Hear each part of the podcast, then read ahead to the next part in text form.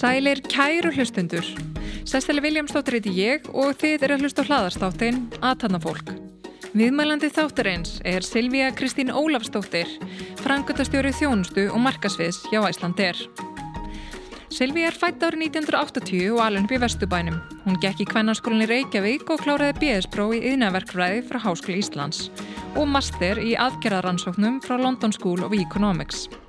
Silvíja starfaði fimm ár hjá Amazon, fyrst sem sérfræðingur nýfjárfestingum á fjármálasviði og setna sem yfirmaður viðskiptagreindar og vörustjóri í kinduldild Amazon. Silvíja hefur starfað sem frangutastjóri viðskiptaþróunar og markasmála hjá Origo, forstuðmaður á rekstrarsviði hjá Æslandir, forstuðmaður tekjusteyringar og jarðvarmadeildar hjá Landsvirkjun og forstuðmaður viðbúnaðsviðs Sælabanka Íslands. Silvíja hefur einnig starfað sem stundakennari við Háskóli Íslands og setið í ýmsum stjórnum, til dæmis eins og símanum, Íslandsjóðum, Ölgerðinni og Orkufjörskiptum. Í dag fáum við heyra aðtefnasögu Silvíju.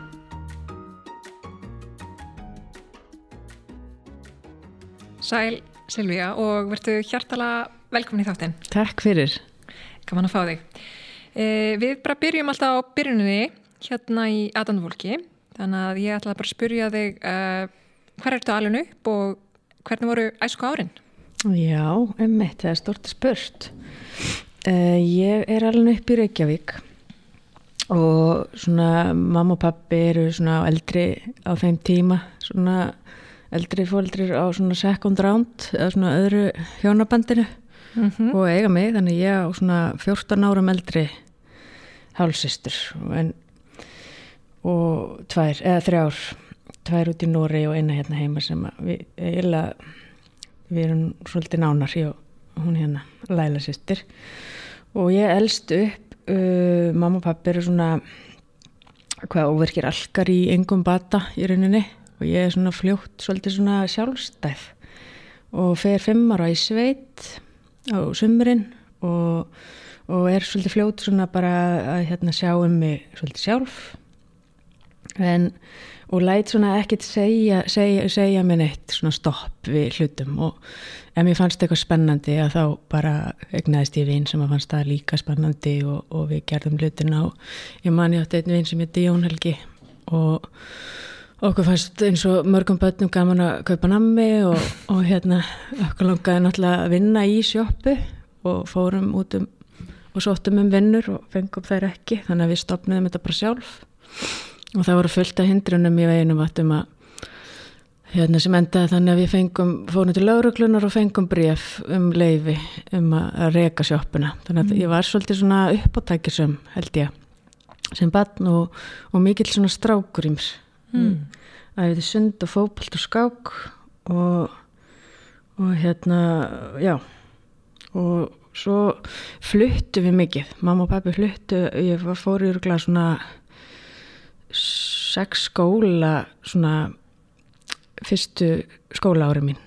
Og endaði svo í Vestubæðaskóla og bjó á Sólvallagautinni uh, fram og gekk svona Vestubæðaskóli, Hagaskóli, Kvenno mm -hmm.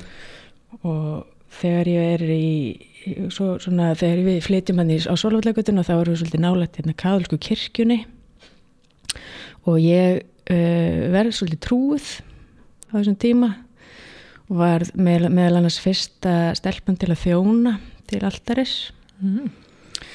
og, og hérna og já þannig að ég var líka svolítið trúið og síðan hérna Er þetta bara eitthvað sem þú tókst upp á sjálfstæðum? Já Þetta með trúna? Já, fór svona eitthvað neina að vasast þarna í kringum kirkjun var svona þetta forvitnilegt og svona. Og fór í sögumabúðir líka í tænslu við þetta.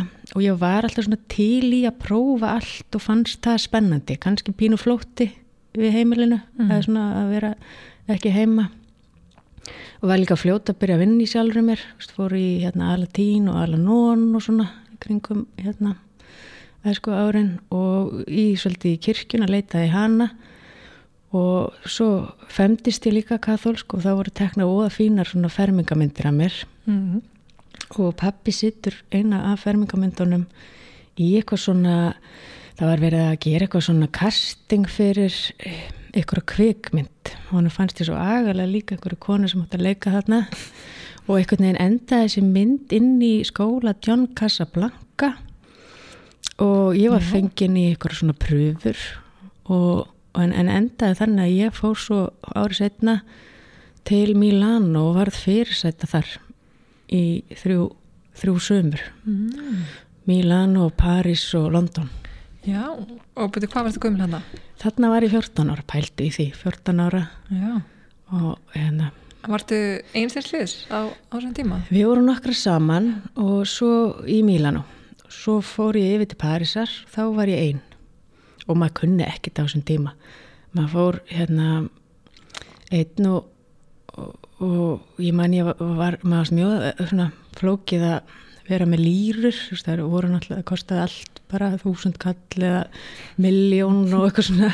Svo var maður alltaf hérna komið til Fraklands og þá voru franski frankar og maður þurfti að láta þetta allt saman endast svona peningana og, og lífið þar var ekki kannski jafn svona glamurus og fólk heldur í tískugeranum, heldur ertu aðalega það sem að þú lærir þarna er að fara frá A til B, þú ert mikið að ferðast í, kast, í svona casting, þú ert með möppuna þína og ferðast í gegnum hérna borgirnar frá einu stað til annars og svo allt í einu færði vinnu og þá er það rosa gaman. Mm -hmm.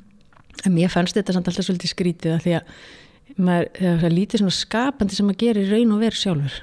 Þú ert bara að sittur hérna fyrir og mér fannst það spennandi alltaf þegar hvað ljósmyndir að vera að gera eða, eða stílistinn eða eitthvað svolítið en þetta var svona mjög lærdomsrikt Akkurat og hérna hvernig var þessi reynsla að vinna þarna ung sem fyrirseta? Var þetta vel við þig? Mm, já og nei. Það sem að kannski maður læriði var að taka sjálf þetta var bara in the end var þetta business þú varst í raun og veru þú sjálf ert eitthvað vörumerki og ert að þú, þú gæst ekki tekið eitthvað nærriðir þú fengir ekki vinnur eða ekki. Og, og þó að og, og svona maður mað fatt að já ég er kannski meira editorial model heldur en commercial svona, og þá fórst alltaf í að máta sjálf að þið við eitthvað neginn svona bara, business, þetta er bara þú sjálf eitthvað neginn ert business mm -hmm. businessin þinn og það mm -hmm. kannski gerði mann svona tók sig ekki eins alvarlega og, og lærði mjög margt á því og lærði líka hvað samningar skipta miklu máli þarna var held ég, ég held ég að aldrei hérna var bara hugsa um þetta um, um um daginn hvað þetta verður henni fárlegt sko, ég var 14 eða 15 ára og í hverju einasta myndatöku sem að voru alveg nokkrar og hellingur hérna á þessum tíma að þá ég held að það hafi ekki verið einn sem ég var ekki beðin um í lokin oft bara að vera bærbrösta mm. þetta var kannski meiri segja sko just saying, þetta voru alls konar hérna eða ó, alls konar hérna tísku tímaritt og svona. Og þá var alltaf svo gott að þá var hún hérna Kolbrún í John Casablanca var alltaf svolítið hlýtt til hennar við þetta hvernig, hvernig hún tók á þessu fyrir, hún hafi séð þetta fyrir og við, ég var með samning sem ég hefði skrifað undir um að ég mætti þetta ekki og þá gæti ég alltaf bara að vísa í hann mm -hmm. og hérna og þá var það alltaf svona uppfótur og fyrt og það þurfti að ringja í, og þá var stóð þetta og þetta gerðist ekki mm -hmm. þannig að ég hef alltaf svona, já, mér er alltaf verið hlýtt til samning og samningagerðar því það hefur svo mikið mótandi áhrif á því hvernig business í raun og veru er Já, akkurat Lít. og hérna þú hefur mæntilega líka fullunast uh, rætt við þetta. Þetta var mjög að standa á einn fótum úti og, og já, já með þessum brensa já og því svo var svolítið mikið mótavægi að því ég var líka mjög trúið á þessum tíma og var í félagskap sem var hétt Píló. Og þar kynntist ég kannski fyrsta skipt svona rosalega góðri svona teimisvinnu við vorum alveg gríðarlega öflugt teimi og það var ekkert sem að stoppa okkur. Og vorum svona úrlingafélag og við gengum Jakobsvegin saman og fórum í ímisferðalög og, þá var ég líka með fólki svona á aðeins eldra en ég eða svona mismunandi aldri. Og hver fekk svolítið að njóta sín og, og, og koma með sína styrkleika borðinu og var rosalega mikið flæð og það var allt skemmtilegt með þessu fólki. Það var bara, við vorum að sapna dósum fyrir ferðirnar og gangi í hús og það var gaman það var bara allt einhvern veginn í svo skemmtilegu flæði og engin að allir svona leggja sí, sína hand og plóg í þessu og ég lærði rosalega margt líka í tengslu við þennan félagskap mm. það var alveg indislegt sko mm -hmm. En hérna sinnir uh, trúni ennþá í dag? Nei, ekki eins og ég gerði. Ég var, hérna, nei, ég skráði mig úr Kaðalkukirkjunni fyrir nokkrum árum. Fyrir svona 2018. Já. En hefur þetta samt, hérna, þetta svona á, á, já, ég trúi svona í dag, eins og sem ég segja, svona á minnahátt. Mm -hmm, akkurat. Eitt. Það er bara mjög gott. En uh, síðan kemur þú aftur heim til Íslands og ferði í Kvennó uh, Akkur ákvæmst að fara í Kvennó?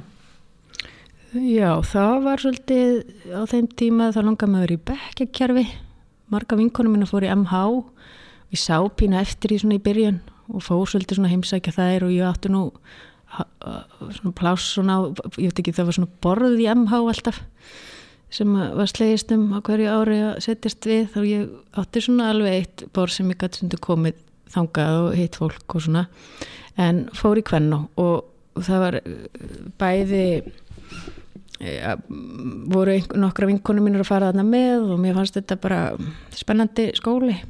Við höfum farið þarna frá hagaskóla að skoða. En ég hugsi að hafi nú ekkert eitthvað verið að pæla mikið í því samt. Nei. En hvernig voru mentaskóla árin?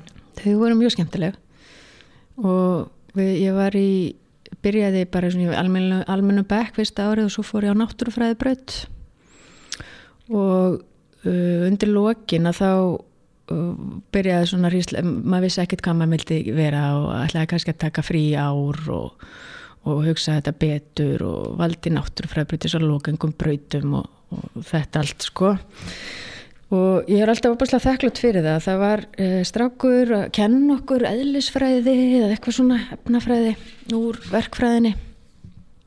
Og hann uh, var svona fyrirmynd svolítið fyrir okkur. Hann var svona léttugardir og, og við vorum nokkra stelpur sem fórum svo í verkfræði en það var líka einn svona sálfræðingur sem kom inn í skólan til okkar inn í bekk til okkar og sagði bara þið vitið ekkert meira eftir ár.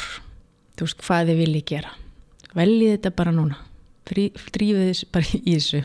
Það, ég man bara alltaf þegar ég satt og hann sagði þetta ég, já það er örgla þannig, ég veit örgla ekkert meira eftir ár hvað ég vil gera. Og fór svolítið síðan úr hvern og í verkfræðina og það var svolítið líka þetta á lokengum dýrum og það geti verið sniðugt að fara í hana mm -hmm. Og um, átti verkfræðin vil við þig? Já, eh, ekki til að byrja með. Já, hann stón svona eh, mjög skemmtilegt, mjög gaman alltaf svona í starffræðin og starffræðgreiningunni og svona en ég fann svolítið fljóta að mér langaði alltaf svona beita verkfræðinni í þáu góðs á þessum tíma. Og, og hérna þegar ég var búin að vera í ár að þá fór ég niður í Eh, þá hafði ég sko, það var einn kennarið hann að Páll Jönsson sem hef, var að segja svona sögur tímum og, og, og flottur sko og flott fyrirmynd. Og hann hafði verið að vinna um með um, með skal ég segja þér og uh, út í Danmörku, einhverju svona verkefni sem að tengdist sjúkrabílum og verkfræði og finna eitthvað út með það og ég vissi ekkert hvað það var heldur en fór samt og fann út úr þessu og þá að þeim tíma þá, og í dag en þá í dag þá reykur Rauðakrossin sjúkra bifræðar. Þannig að ég fór þangað og spurði svona, heyrðu, getur við gert eitthvað svona verkefni og gerði svo, svona nýskupuna verkefni með vinið mínu þá í verkfræðinni Jóa Ben sem að var til þess að ég var síðan ráðinn sem sumastarsmaður inn í slökkulið. Því slökkulið reykur líka sjúkra bílana, það var rosa skemmtilegt. En ég tók mig frí í ár frá verkfræðinni og fór aftur til Milano í halvt ár og svo ég komið svona tilbaka og fór þá að kenna í geðhjálp á tölfur og svo gerði ég þetta nýskupunaverkefni og held svo áfram Já, og þannig um, eftir útskrift, hvað var að gera þá?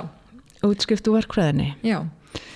Þá, þá fer ég og vinn eitt ár hjá slökkuleginu og það var rosalega skemmtilegt ár þá, og hérna Jón Viðar var þá slökkulistjóri Rólfur hefði verið það áður og ég fór líka svolítið inn í almannavarnir og lærði svolítið að byggja sviðsmyndir og sviðsmyndagreiningu en var með mikinn áhuga á jóka á þessum tíma. Og, og hérna tókstundum og það endaði þannig að eitt hátegi að þá var ég að stríða Jóni og svona hvað ég var styrðið þarna í slökkuleginni og svolítið svona mér náttúrulega allir æfa og rosa fyrt og flottir sko. En ég var mikið í jókan og sagði því þeir eru nú líka tegjastrókar og hann bara já sínd okkur þetta. Og ég sagði já já ég skal gera það. Svo mættu þeir hérna og ég manna var hérna og við tegðum svolítið vel á þeim. Og hann strítið mér svolítið og sagði, herri Silja, við, þetta er alveg rétt hjá við erum allir svolítið styrðir, nennur ekki bara taka svona í aukavinnu að, að hérna, kenna þeim jóka ég held, jú, ég skal gera það. Fínt að sapna smá auka pening og, og fekk þetta í yfirvinnu. Og átti fullt að jókadínum og keiriði á milli slökklustöða gleymið aldrei, ég fór hérna og var í hafnafyrði í slökklustöðinni þar og þeir voru svona kinda með aðeins. Ég var náttúrulega bara ung og pínu svona blöta baka veirinn og þeir voru svona kinda með já getum við ekki haft kerti hérna Silvíja og haft þetta svolítið fínt og við gerðum það og gerðum ykkur og svo allt í einu kemur bara svakalig sírena og þeir kvíkna allir í framann og það er útkall og það er útkall í alverinu og það er ekkit grín sko. bara, við þurfum alla á dekkið. Sérlega þú kemur bara með og ég fór í slökkuliskallan og inni og ég var bara pínu stressu bara hvað þeir voru stressaði sko. Og bara við fyrum, erum að leiðin í alverið og þá horfið einn vill En af hverju fórst þú með? Ég fekk bara að fara hana með, ég var búin að taka eitthvað svona, já þeir bara leiði með það. Var satan í miðunni aftur í. Og einn horfið á mig og segja Silvi við glemdum að slökka á kjertinu í slökklistöðinni sko. Þetta er alveg kall, já, já það var mjög skemmtilegt. Þetta var eða næslegt. Það var mjög kallt en svo hérna fórum við tilbaka og þetta var hérna allt saman undir kontról það var hérna sem varð eftir og gætt séðum þetta alls saman.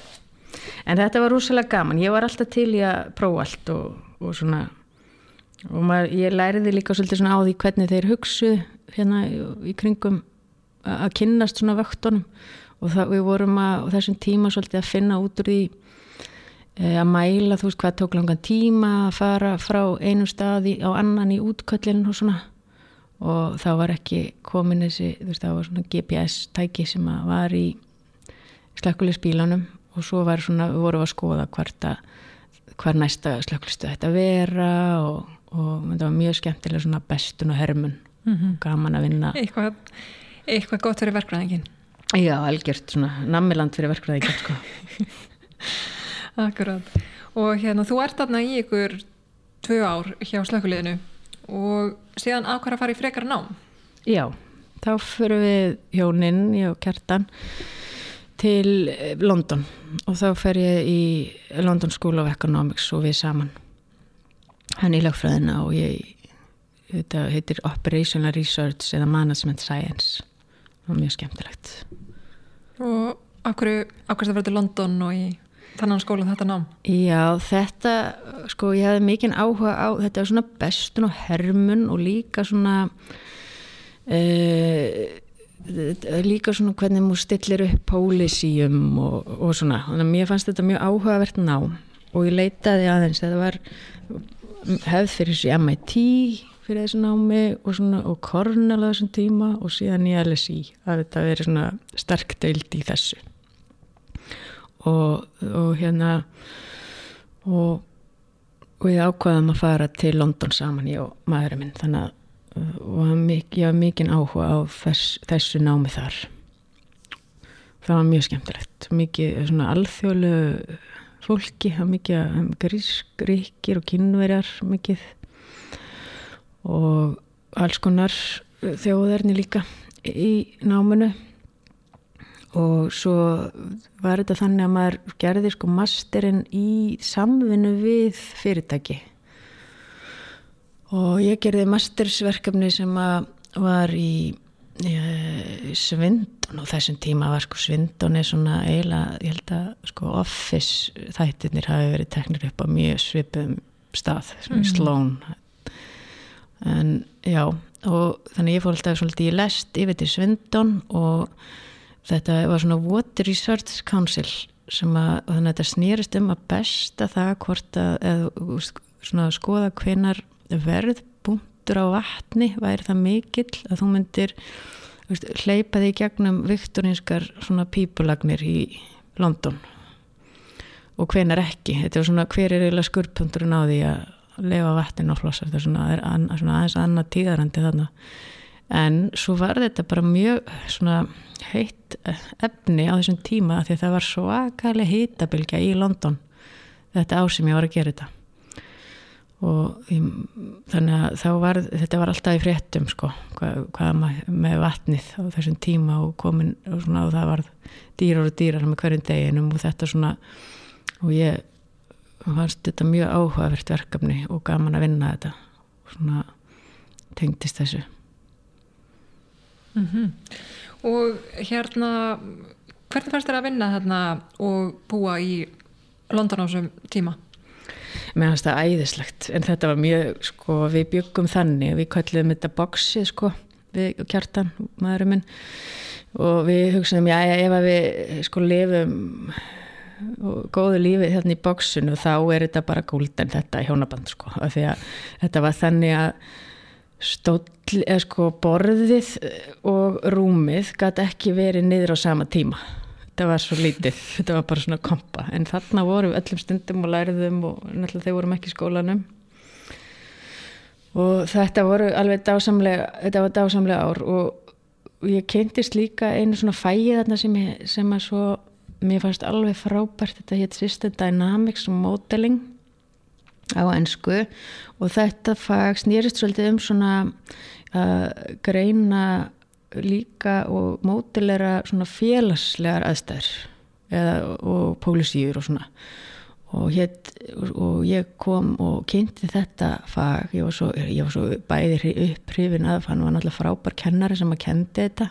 Maður vissi aldrei hvað hann tæki upp á í tíma hann gæti stokkið upp á borð og talað og það var aldrei svona never a dull moment sko, mm. þegar maður sletti og ég var svona bara svo hrifin af þessu fægi og laðið mig mikið fram og, og hérna lærði og ég, ég var alltaf eitthvað að stúdra í kringum þetta og svona fór á bókasöfnin og keipti fylgta bókum og var, bara mjög svona, mér fannst þetta mjög áhugavert og rætti síðan við Helga Þór Ingarsson sem var kennar í þá í verkfræðinni í Háskóli Íslands og kynnti þetta fyrir honum, saði hann svona undan á hann og hann var nú aldrei til í bara hans koma eila sjálfu með þá hugmynd að bara koma þessu inn í námskaruna í, í Háskóla Íslands. Þannig að þá skýrði við þetta kvikkerfislíkon og það gerum þetta mjög skemmtilegum hætti. Við vorum með einn uh, áfanga þar sem ég og hann og nokkur aðrir fáir svona lítill hópur við, ég kendi þeim fyrst fæða, ég hefði náttúrulega bara nýbúin að læra þetta og hérna svo voru svona, var þetta meiri gerðin í kringum þetta fag og fleiri að flytja svona sem höfðu kannski doktorera í þessu og svona þannig að þetta fór svona að vaksa meira allt í kringum þetta þannig að ég kom með þetta heim mm -hmm. það, á þessum tíma og við Helga var úr skaman á einum mónum mm. í þessu og, og, og þú hefur líka verið að sinna svona uh, kjænslu upp í háskóla svona meðfram þínum störfum lengi vel? Já, ekki, já, ekki búið síkast en þarna, já, á þessum tíma og ég var líka að kenna rekstrafræði, mér finnst það mjög skemmtilegt og hinn og þessi fög, þannig að ég tengdist, já, svolítið svona háskóla eh, samfélaginu Já, en eftir útskrift þarna eh, frá London School of Economics hvað eiginlega ákveður að gera næst? Já, þá fer ég heim við kertan, fyrum heim og og þá byrja ég, mér fannst orkugerin alltaf mjög spennand á Íslandi. Fer alveg inn í stutt tek stutt stopp inn í fyrirtæki sem heitir Enex og er þar svona rítstjóri yfir nokkrum uh, við kallum þetta hvað feasibility studies svona uh, um jarðvarma virkjanir í þá voru verið að svona flytja út þessi, þessa þekkingu vanandi jarðvarma virkjanir til Ungarlands og og austur Evrópu nokkur stöðum þar. Og þar smíðu við líkan sem að var svona, já, sem að var ótrúlega áhugavert hérna, svona unnum að líkan svona verð með þetta út frá því ef að þú myndir bóra hólur og svo á, mörg, á mörgum af þessum stöðum sko þá var verið að reyna að finna sko ólíu en svo kom bara vatn.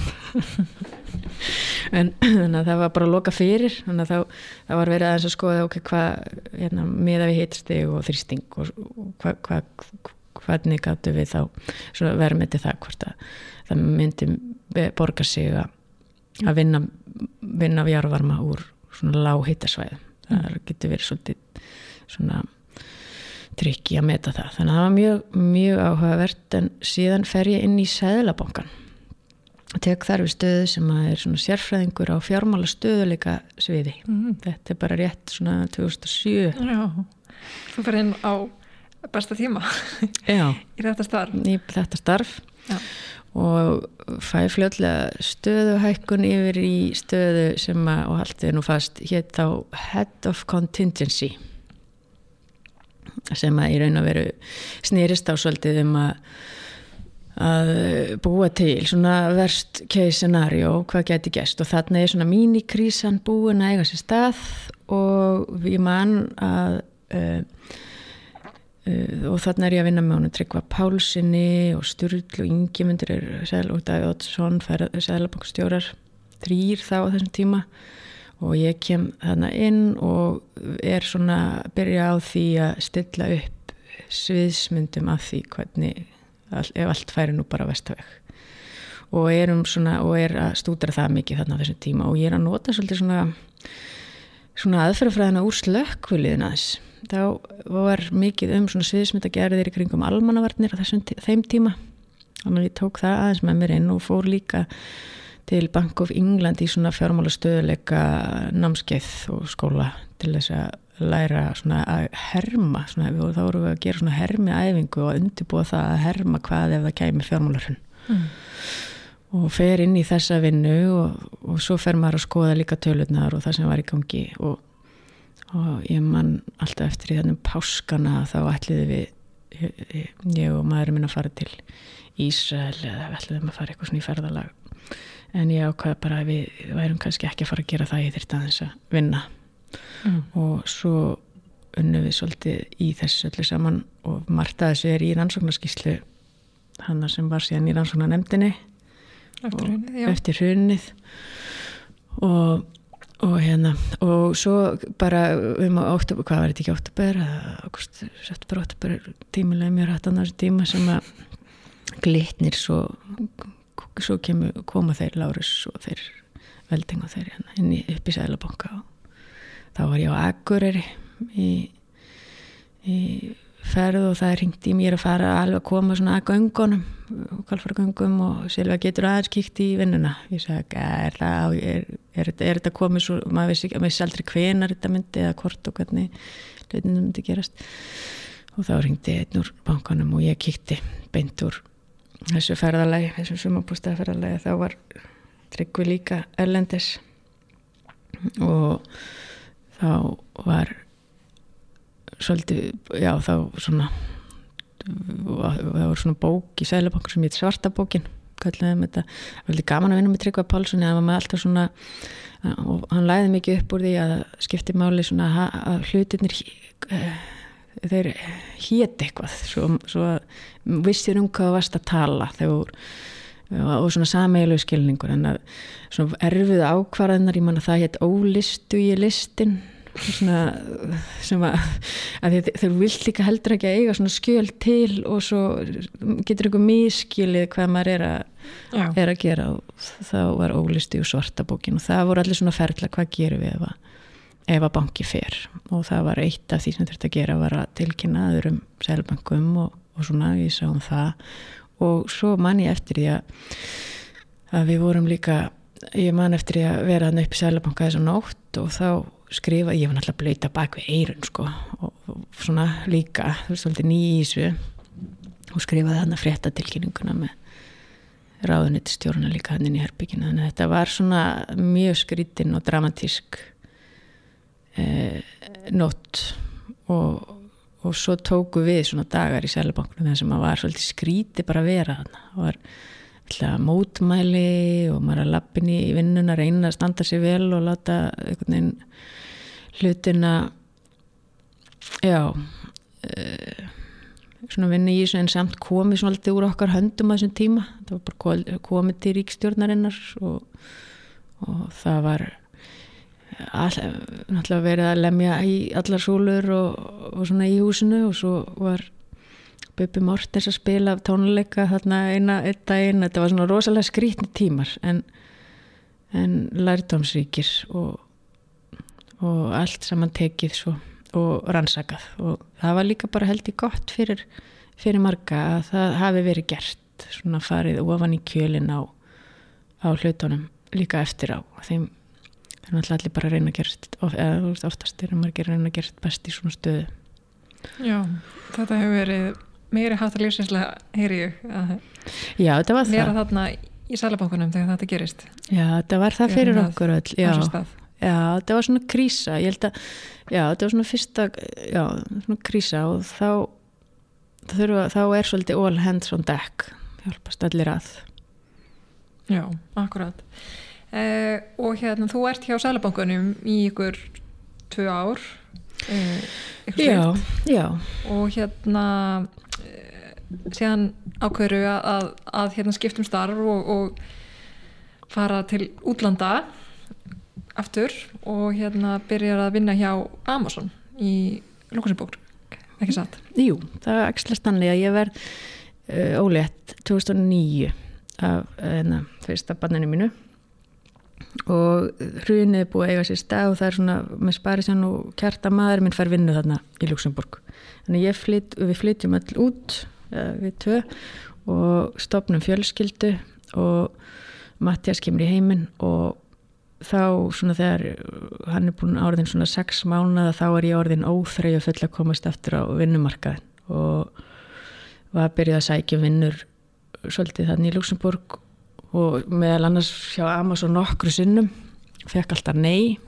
Af hverju Luxemburg?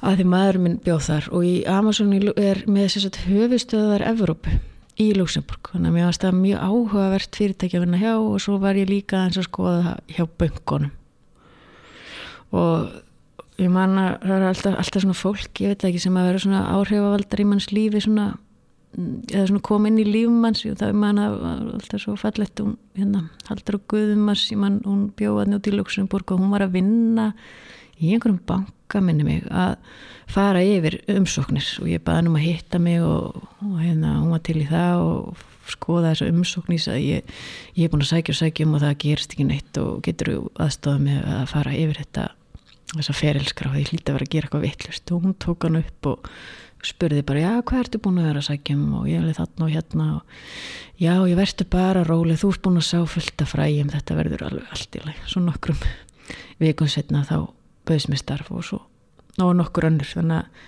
það fóru loksins slutinni svona í gang mm. ja. Og það byrjar að vinna hjá uh, Amazon Það byrjar að vinna hjá Amazon í... Komin í tekníkeiran Já Og hérna, hvað er þeitt svona fyrsta starf þar hjá Amazon? Þá fer ég inn á fjármálisvið þetta er svona, þá fer inn í fjármál á rekstrasviði og þá er ég að skoða uh, allar svona bæði með rekstrarkostnað og ygnarkostnað svona capexið og opexið að, að meta það. Sem að snýst þá í, á þessum stað innan Amazon um að í raunverulega hvað ætlar að kaupa mikið af vöruhúsum og hús og, og leia eða ætlar að leia húsin eða kaupa húsin og hvar, hvar eiga þau að vera og taka í rauninni alla tekjusbána sem er gerð annar staðar og koma henni síðan inn í, í raun og veru alla ferðlana í veruhúsinu hvernig, hversu stort á að vera hversu marga skanna og kaupa, kaupa hvað mörg borð og eiga að kaupa pökkurna vel eða eiga að hafa róbota. Þannig ég var í öllum þessum ákvarðanutökum og það það átti rosalega vel við mig að vera, þannig lærið ég svolítið inn á fjármálasvið en ég var rosalega sterk, það var rosalega sterkuleikur að vera verkfræðingu líka því þá skildi ég svo vel verkfræði heiminn inn í vöruhúsunum, þannig ég gerði svona líkan þar sem að við kalliðum FC Creator þetta var svona semst, e, e, vöruhús hjá Amazon kallast Fulfillment Center. Og ég tók semst, og það voru allir að gera þetta með sínu sniði svolítið Þýskalands gera þetta svolítið sér og Breitland sér og Spátn og þetta var allir í Evrópu all, allt nettverkið og, og við vorum að skoða alls konar útfæslur á þessu og svolítið svona samræma og skoða sko hvaða veistu, náttúrulega flóknasta í þessum bransanum er í rauninni skóvörhús þá þetta að vera með marga liti og stærðir og svona á þannig að það var líka tekin ákvörðunum að hafa bara eitt fyrir skó og síðan e, voru við líka að skoða á þessum tíma þá hafði Amazon kift hérna Kiva hérna sem eru svona robotar ég mann hvað mér fannst alltaf skrítið að koma inn í vörúsin fyrst sko. Þá þá held maður að maður væri náttúrulega að fara inn í bara vöruhús sem maður væri bara allt automatíst og robotar og svona en þetta var rosalegt að sjá hvað var mikið af fólki að bara ná í vörur og hvað var í raun að vera mikið bara gert bara með höndunum og hlaupurum og, og því um og þegar ég fór að meta, þú veist, eitt af verkefnunum var að meta hvort að og hvað við ættum að hafa þá þess að kýfa róbota á þessum tíma. Og ég gleymiði aldrei því inn og vorum að fara að skoða róbotana og maður held að þetta er því nú bara eitthvað svakalega flott sko. en þá var þetta svona eins og rúmbur ég veit ekki, mm. svona rúmbur sem er svona riksuguróbotar mm -hmm. fóru undir hillur og komu með hillurnar til fólksinn sem pikkaði í staðin fyrir að það væri að hlaupa þú veist, mm. það var einhvern veginn en svo núna er þetta náttúrulega örgulega miklu teknilegir í dag sko Já, akkurat Já, og um, hvernig kunnur þau við því að í Amazon svona, hvernig myndur lýsa þessu fyrirtæki? Já, það er Já, sko, það, já, þarna var, það er alveg svona, það kom mér kannski á óvart við Amazon hvað fólk var, uh, það skiptir úrslega miklu máli, eða það skiptir úrslega miklu máli fyrir fólk hjá Amazon svona, er að fylgja sem svona leiðtóa gildum, það er svona leiðtóa gildið þarna og þau, maður læri úrslega rætt inn á þau, Svo þau eru svona eins og anda eins og uh, hugsa stórt eða sína fram á árangur. Og veist, svona delivery salts uh, think big uh, vera vocally self-critical er eitt. Veist, við þau kenna mistök og vera hömbul og skipti miklu máli. Og fólk sem að fylgir ekki þessum gildur saman hvað svo kláruðu ert það þrýfst ekki þannig lengi. Og síðan og maður lærir rosalega hrætt svona uh, þetta er náttúrulega á þessum tíma þetta, þetta er að vaksa svo hrætt og núna náttúrulega ennþá. Þannig ég fann ekki mikið fyrir það var ekki mikið svona pólitík eða umverkefni, fólk var meira bara svona hlaupa allt í sömu átt og það var að stækka. Og náttúrulega rosalega skemmtilegt að vinna í þannig fyrirtæki. Mm. og, og það var ekki svona fundamenningin var svolítið öðruvísi en hérna á Íslandi. Þá var ekki bóðabeinti fundar nema nema það hefði verið mjög skipileg dagskrá og þá erstu búin að búa til annarkort two-pagera eða svona narrativ sem eru þá sexblæsjur af svolítið vel struktúrörum og og hérna vel hug, úthugsuðum hugmyndum um hvernig þú vildi kannski taka hugmyndir áfram og eða hvernig ætlar að byggja, byggja þið undir samningavirðaður eða taka ákvarðanum hluti. Og það var aldrei, er náttúrulega bannað glærur þarna, þannig að það má ekki nota glærur. Og allir fundir sem var verið að taka stórar ákvarðanir þá komstu inn með þann two-pager eða six-pager. Og það var bara fyrsta kortur þau voru allir að lesa. Þannig og það er rosalega þægilegt. Þá eru allir búin að fara í gegnum keysið bara slettir og svo mikið end to end sko, þú veist, frá -hmm. upphæðu til enda og búin að sjá hugmyndina mér finnst oft svona maður lappar hann á fund og ég stend nú alveg sjálf um að því að gera það líka og maður byrjar að spurja hérna á glæru tvö og það, það er ekki búið að svona segja það kannski frá allir í sögunni mm -hmm. en þarna var mikið lagt upp og því þú væri bara búin að kynna þér þetta og þurftir ekki að gera það fyrir fundin heldur bara á fundinum að það er allir mjög uppteknir hana og svo var bara rætt og raugrætt og teknar ákvarðanir og klárað svolítið málið. Þannig að það, það, það er röglega sko að því, ef þú vinnur svona og vinnur svona skipulega að þá þá mingaði örgulega að fyndi um 50% og, og mér varst það alltaf, en maður var náttúrulega alltaf með í maganum þegar maður fór inn á fund með papirinn sinna því maður fannst þetta náttúrulega aldrei nógu gott eða fínt eða þú kannst hugsa allt endalust lengur. Já, já. en ótrúlega gaman að eiga svona umræði með svona kláru fólki líka. Mhm. kláru fólki hann Eh, en síðan þróast þú í starfi innan Amazon. Já, og hvað fyrir að gera næst? þá uh, ég verð ófrísk sem þetta setna stráknum minnum, Kormaki uh, og tek fæðingar á lof og, og hugsa svona hvað mér langar að gera næst. Og þá var alltaf svona á þessum tíma var kindeldeldin það var svona ljómi yfir henni. Það var alltaf að skemmtilegt þarna hjá kindeldeldinni þau eru að gera þetta og þetta. Og þá fór ég svona að kynna með mér sem er akkurat svona rafbókar já. já, rafbókar deildin já. já maður heldur alltaf allir viti það. Er, svona að að vinna. Já, þetta er svona rafbækur með já. Já, og þannig að ég, þegar ég kem já, og það var svo, þegar ég kem tilbaka að þá er ég stutt stutt, stutt stund þarna í þeirri deild sem ég var og svo sæk ég um og fæs og ég bjóst ekkit við að fá stöðun þetta var svona uh, já, bjóst alls ekki við að fá hana því þetta var svona mjög eftirsótt að vera hana í kindeldeldinni og fer svo yfir og fær stöðun og fer yfir og þar byrja ég og er svona í svona mm, þá er ég svona mikil, í svona mikil greiningar svona business uh, analysta greiningavinnu svona og er að skoða ég man alltaf fyrsta hérna, hún, henni var svo leiðilegt hérna, henni Gabi, hún var yfirmaða minn kona. Það var vindislega og góð vinkona mín í dag.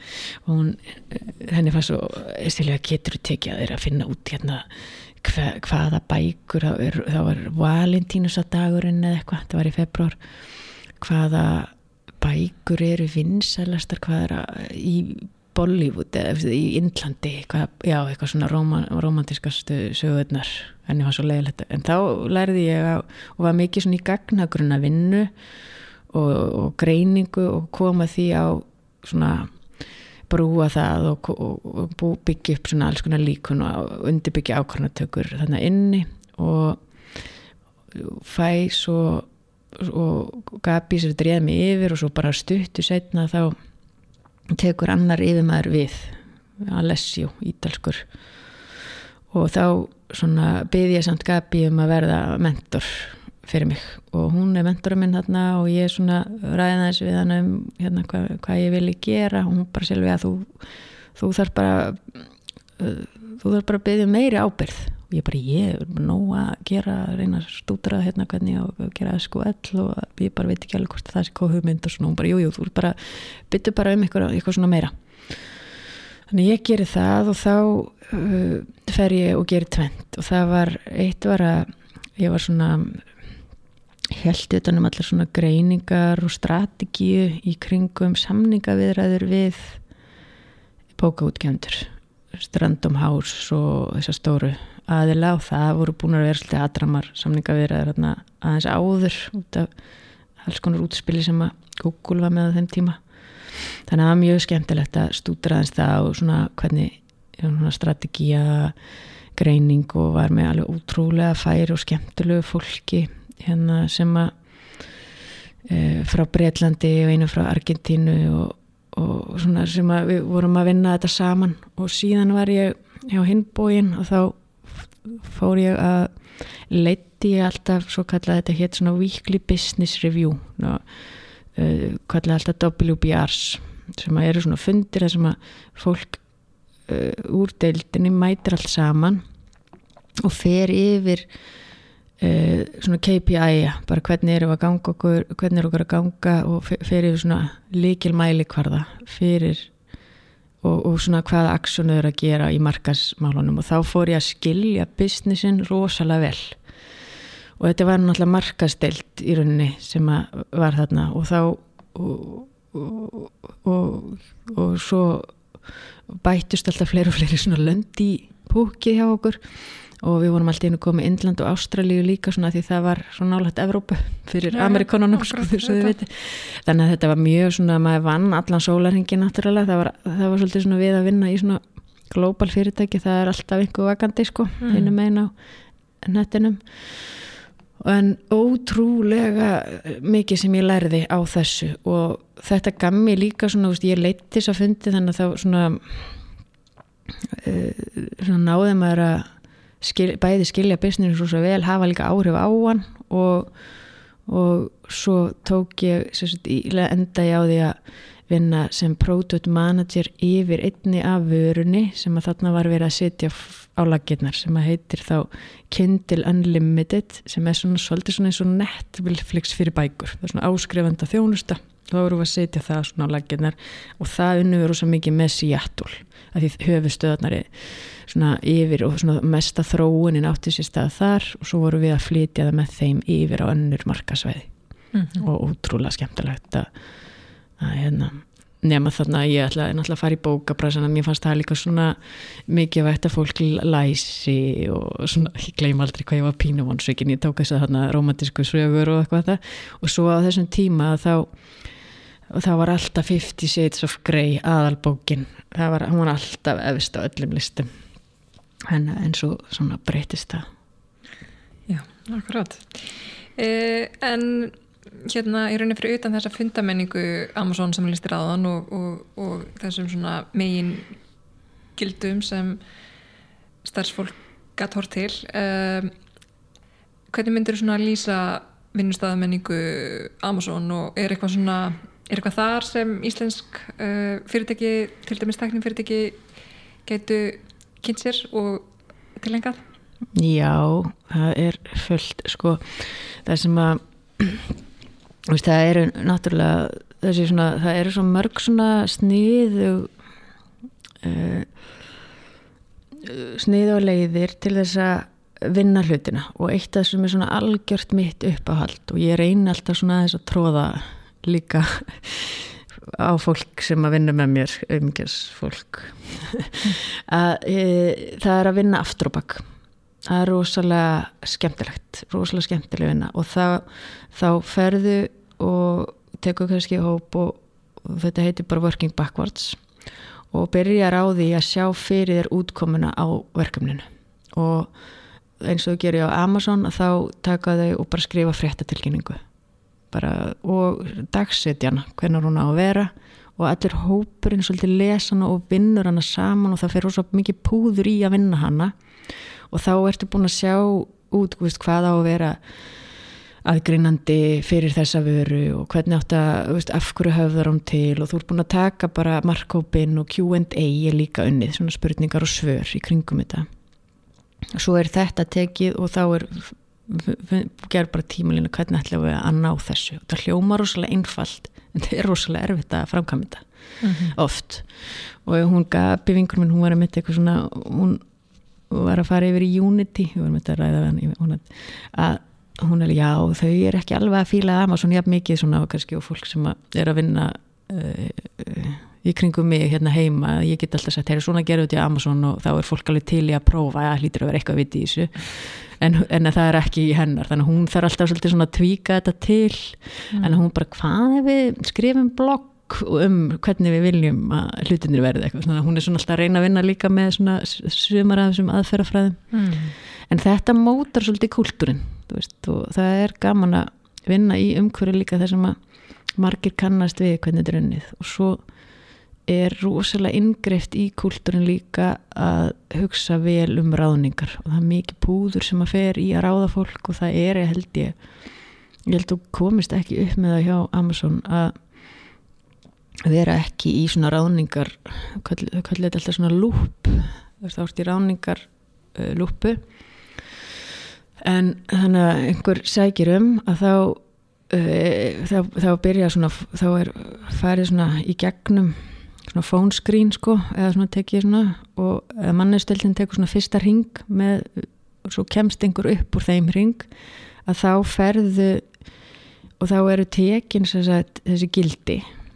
Og þeim er útdælt á kannski fjóra aðila. Og þá á, eins og ég, ég geti fengið bara ok, sérlega þú þarfst að kanna hvort að það sé vokalísal kritikal og þá er einhver annar að hérna, delivery salts og eitthvað svona.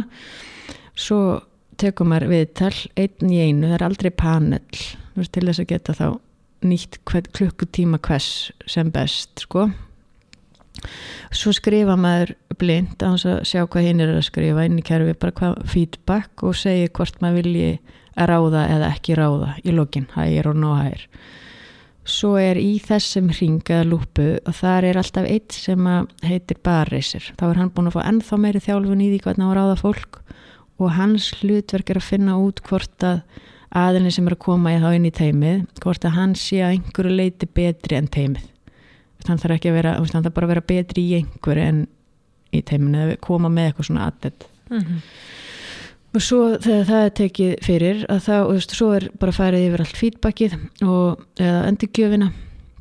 Fólk kemur saman og þá er ákveðið hvort að einstaklingur sé ráðin eða ekki og ef hann er ekki ráðin ef það er niðurstaðan, að þá er farið og skoða, heyrðu hvernig komst hann í gegnum mannustildina akkur fór hann þá í þessa lúpu því þetta er rosa vinna sko. Já, man... það kostar auðvitað fyrir ekki heil mikið að það er þessa lúpu Já, gerir það, en það markvallt borga sig að svo inn því svona, það uppi staði það að, að því að fólk þarf að vera svolítið svona og þá líka í kringum þetta. Bæði þjálfveru sko fólki sem er að taka viðtölin að það er að rifja upp þessi gildi og hvaða því, því raunverulega þýða og þurfa að sprúti þau þannig að þau marinerast svolítið í gegnum þetta líka mm.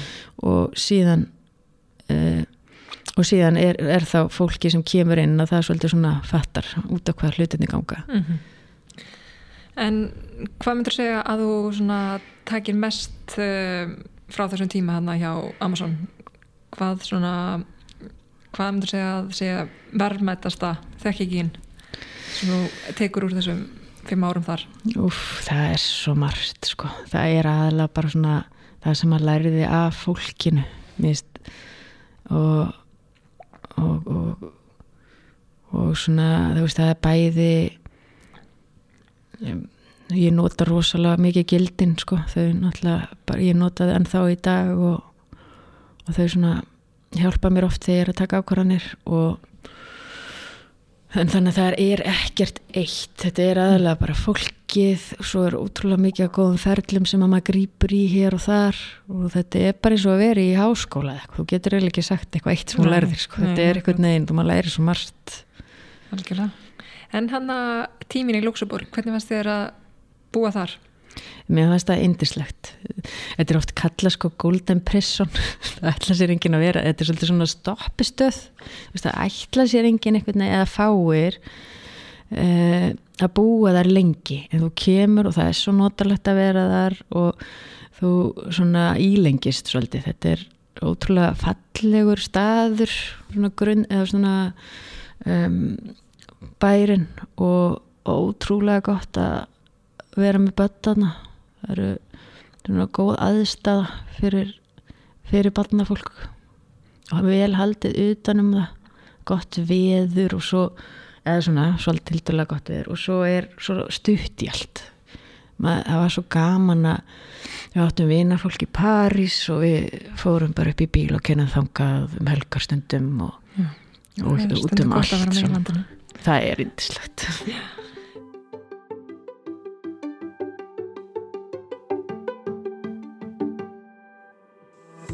Ég ger ég er stuttlið til að færa ykkur skilabóð frá kosturannal þáttarins, Æslander. En eins og þegar við takið eftir þá vinur Silvíja akkurat hjá Æslander og ef þú ert ekki búin að græja jólagjöfina fyrir starfsfólki þitt þá er ekkert að senda tölupúst á fyrirtæki at æslander.is og fá tilbúð í ferðagjafabref til að gefa jú starfsmunum jólagjöf. Minnsalega standist freystinguna að senda ekki beint á Silvíju. En snúum okkur að viðtælunu. En eftir fimm ár þarna hjá Amazon þá ákveður að koma aftur á klagan og byrjar að vinna sem fórstöðumæður yfir tekistýringu hjá landsverkjun. Já. Um, getur sagt ykkur uh, af hverju ákvæmst að gera það? Já, það var svona kannski svolítið svipa bara því ég kom frá London sko ný útskrifið og þá fannst mér orkugenin svo áhugaverður og ég hafði ekki einhvern veginn klárað að vera eða ekki það maður geti einhvern tíma klárað eitthvað. En ég átti svona eftir að vinna betur í honum fannst mér. Og svo áhugaverður og Ísland með svo sterkast stöðu á þessu sviði. Og þannig að ég fór inn í landsvirkjun og á þessum tíma voru að vinna uh, með, var ég að vinna með Edvard og, og Val og voru nokkur hérna sama sem voru svona þarna voru stórir heilsölu samningar að renna út sem var svona stilt upp og við vorum að endur uh, gera þá hvernig þeir, þeir voru. Og við gáttum spara rosa mikið ork í Excel. Nei, þetta var svona það var svona, já, svona struktúrun á þeim og svona tekjumyndunin fyrir landsvirkjun og svo líka þá þessar stóð, þetta er náttúrulega sex voru á þessum tíma aldrei sex eða sjö heilsölu mm -hmm. aðilar. Og það var rosalega skemmtilegt verkefni sem við fórum í. Maður er náttúrulega alltaf ríkur í Excel. Það er, það er alltaf að vera já. það er það besta við Excel. Það er rosa gott. Já, og þú hérna sagt, vinnur þarna hjá landsfyrkjun í, í þessu starfu aftur komin svona með snertiku við, við orkugeran Já. Og hvað tekur svo næstuð? Já, þá, sko þá var ég á markasviði og svo kemur Birna Ósk hérna einastóttir frá símanum og tekur við að björgvinni og stuttir setna fer ég og yfir í reksturinn. Þetta er svona pínu þetta er pínu þema hjá mér. Að fara fyrst í, eða vera bæðir ekstra megin hjá fyrirtækjum og og eh, markasmegin þannig að þarna byrjaði markasmegin og fór séðin í reksturinn og fer að vinn og er að vinna frá samt landsvirkjun í Reykjavík með e, jarðvarmavirkjunina á Kröplu og Þeistaríki, það verið að byggja Þeistaríki. Þannig að, þannig að ég fer aðeins inn í það líka og það var svolítið skemmtilegt að eftir, eftir að þessu verkefni lögum með heldslu samlingana að fara inn í það og, og uh, en svo þess að maður tók við eftir landsvirkjun þá fer ég inn í Æslandir Já, þá ertu komin í flugbransan Þá er ég komin í flugbransan Já, er mikið fjör þar? Það er alltaf við, það, ég verum alltaf með hérna Ég fann að heyra það ennumlega Það er alltaf eitthvað, það er bara svo les og það er ógislega skemmtilegt. Og það er rosalega gaman að vinna í flugbræsana Og hérna, hvað verður að gera þar hjá Æslandir? Þá fer ég á rækstarsvið, þetta er sama þema sko, ég er nefnilega núna marka, ég er með marka smálinn líka, en hérna byrjaði rækstra megin þar og það var rosalega skemmtilegt, þá byrjaði ég 2000, sumari 2018 og þá, þá er nú mikið í gangi maður og og mitt svona fyrsta kannski verkefni þar var að skoða hvernig við myndum geta ná stundvísin upp. Því að það hefur svo mikil áhrif á e, reksturinn bara að ná vélanum út á tíma og það er svo mikið heilbriðismerki ef að það tekst, það er svona rosalega margt bak við tjöldin sem að þarf að ganga upp til að ná, ná því, sérstaklega e, eins og business model æslandi er svona fyrir maður reyka í raun og verið tengibanka að þá skiptir svo miklu máli að tengingarnar allar náist og svona. Og ég fyrir að skoða það eins og með, upplöfu teim og ég er þannig á rækstrarsviðinu og við erum að byggja upp og hann Jens Þóruðar alveg frábær yfir maður á þeim tíma hérna ræði mig og stillir upp einingu sem heitir Operation Support.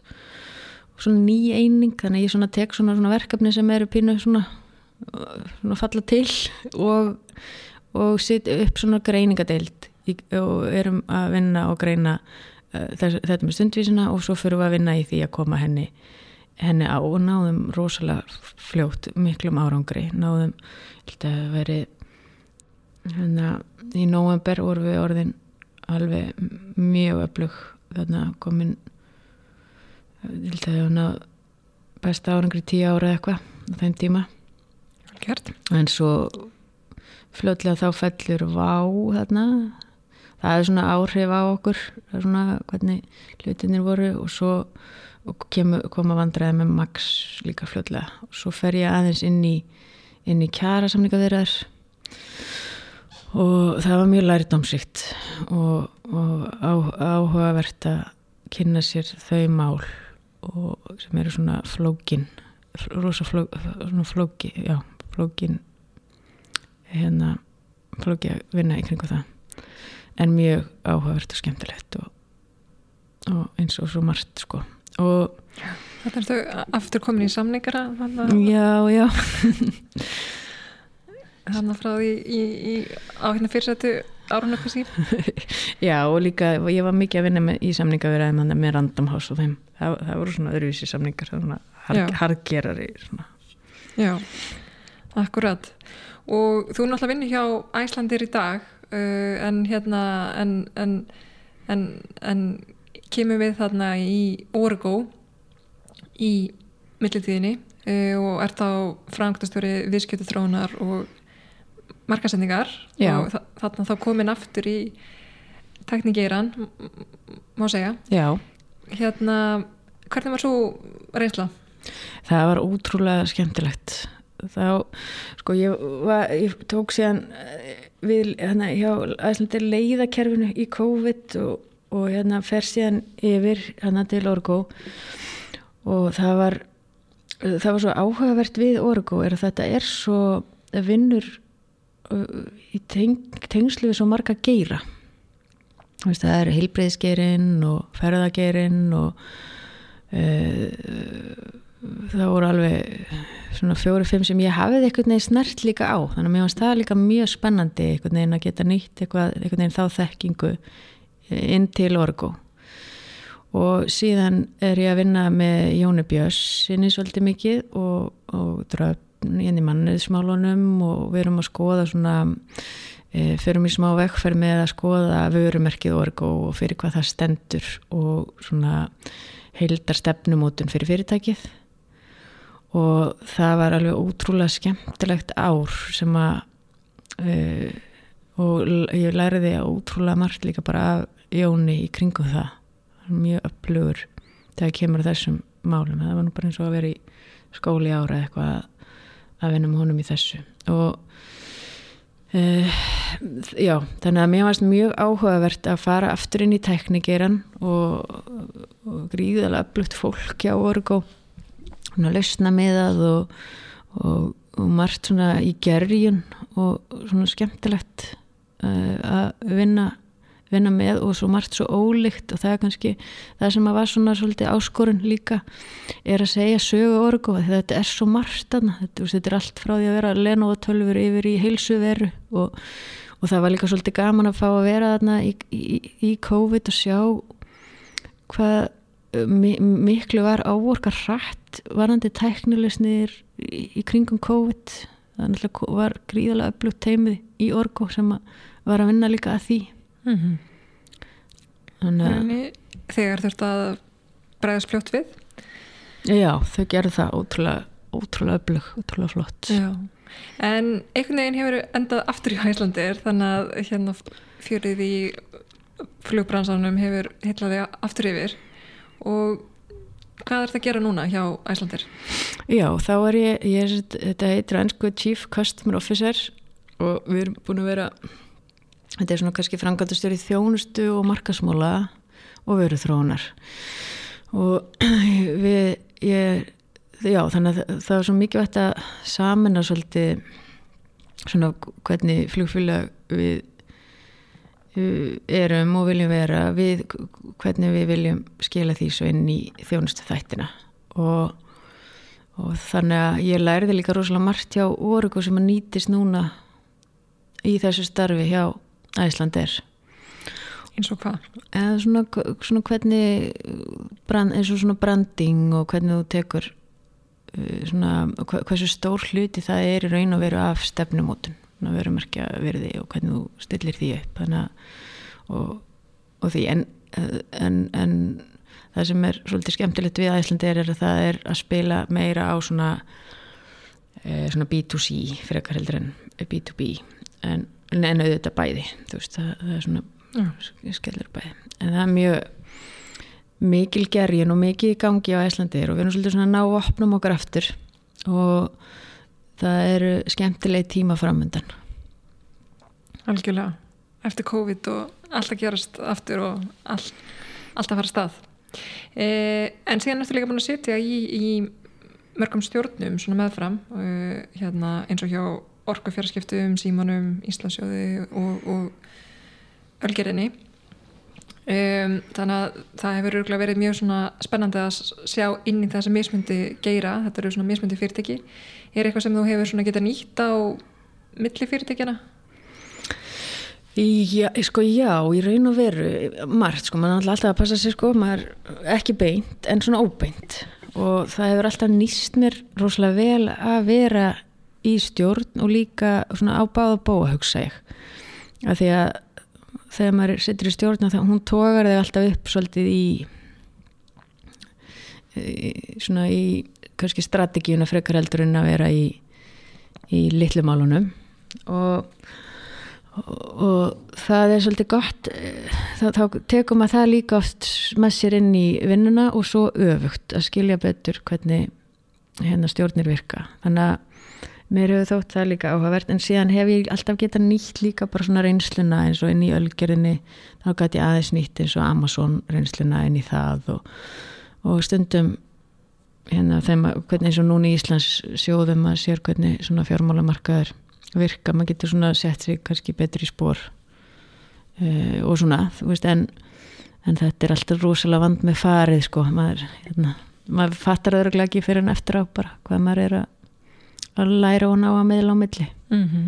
Akkurat uh, en ef þú hefðir ekki farið þessa leið í lífinu og, og hérna lagt verkfræðana og, og annað hérna, er eitthvað annað sem þú hefðir getið hugsaður að gera? Vá, wow, jésús uh, Sko, ég, er, ég hefði verið í ykkur svona hjálpastarfjöxtar það tókar alltaf í mig eins og þegar ég var að vinna á landsvirkjum þá var ég hjálp var ég svona sjálfbóðlega konukotti og svona. Svo hefur mér alltaf þátt svolítið gaman að leiklist. Ég er líki spuna heldur mér pínu ungri alltaf ungu fólki þar. Ég er alltaf og gamla konan í spunanum. Og Hefur getað nýtt spunan eitthvað í viðskiptalöginu? Já, mjög mikið. Og ég fór á svona spunanáski í Toronto sem er bara fyrir það svona business spuni. Já, akkurat. Og byrju hvernig í raunin Virkar hann? Já, hvað er viðskiptalöginu? Viðskiptalöginu, já, það snýst svolítið um uh, að, að bygg, það sem að spuni gengur út á þetta, mér finnst þetta bara svona eins og jóka fyrir hugan það sem að spurning gengur svolítið út á er að treysta því að fólk komi saman með hugmyndir þannig að þú kemur einn að vera ekki með svona, það sem er oft sagt í spurnunum you don't bring a cathedral to the table heldur kemur með eitt, eitt svona brygg þú kemur ekki með heilt hús að hugmynd heldur þú kemur með eina spýtu og svo kemur einhver annar með aðra spýtu og saman byggið eitthvað flotta því að einhver allir svona eiga sinn þátt í verkinu. Og það sem skiptir miklu máli í spununum líka er þetta já og þannig að í staðan fyrir að veist, já en er rauninni sam og segja nei. Þannig að þú veist á bara hvað þú ert að segja og segir já en við ætlum ekki að gera þetta svona já en en já og og svo bætur við hugmyndina. Og uh -huh. það eru fullt af svona sko, og það eru rosa margi verkfræðingar sem verða ágættir í spuna. Því að þetta er svona sko þetta er svona skapandi nei það er svona rammi í þessu. Já. Og þú ferði að vera skapandi aðeins inn í ramma. Já, það hendar alveg oft þeim sko. Mm. eh, en þegar þú ert ekki spunanum hvað ertu þá að gera svona þegar þú ert að slaka á eða eitthvað slíkt svona auðvitað vinnu? Svona áhugamál Sko ég, ég er svolítið, mér finnst gaman að fara á hérna eh, paddleboard sem er svona surf, svona sem að stendur og, og ég bý nálat sjó. Mér finnst það mjög skemmtilegt. Og svo er ég svona aðeins að kennast nýjum áhagamálum, ég er mikið, ég og einhvern mín, hún Sif við stopnaðum skemmtifélagi Dolly, kallast það og, og til heiðist Dolly Parton. Og Uh, við uh, gerðum þetta í COVID og þá söfnuðum við saman bara skemmtilegum konu, það var alltaf svona alltaf fjöldatakmarkanir, gáttu bara verið kannski 10-20 í einu. Mm -hmm. við virtum það en blönduðum saman alls konar konum. Það var þeirra bara pínu áhuga mál hjá okkur báðum a, að gera það þannig að okkur finnst það mjög skemmtilegt svo finnst mér bara gaman að elda og slaka og vera með fjölskyldunni mm -hmm. Silvi Ólastóttir, takk kærlega fyrir komina Takk fyrir mig, rosa gaman að fá að vera hérna vilt heyra fleiri sugur af aðtapnafólki þá hveti þið til að íta á subscribe-knappin á hlavarspeitunni þinni og fylgja okkur á samfélagsmiðlum. Ekki missa næsta þætti.